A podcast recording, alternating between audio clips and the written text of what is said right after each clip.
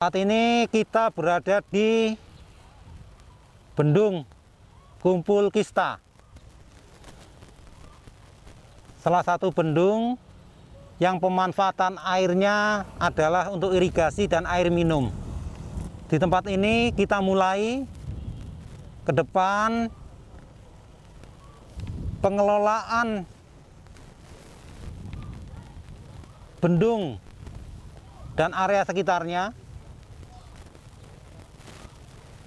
kita coba koordinasikan secara bersama-sama antara BBWS Cimanuk Cisanggarung sebagai pengelola infrastruktur sumber daya air dengan para pemanfaat air, kelompok tani dan PDAM.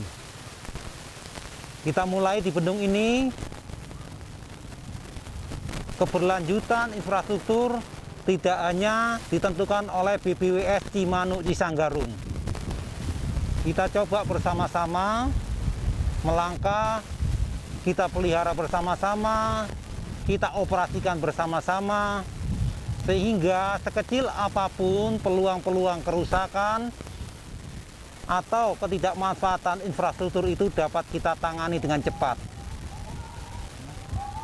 Kita akan membentuk grup tugas di sini terdiri dari pegawai BPWS Cimanuk Isanggarung, pegawai PDAM, kelompok tani, untuk secara berkala memonitor infrastruktur yang berupa bendung karet ini. Kapan bendung karet ini dibuka, kapan bendung karet ini ditutup, diketahui secara bersama-sama. Sehingga hal-hal yang tidak diinginkan dapat dicegah lebih dahulu. Sekian, terima kasih.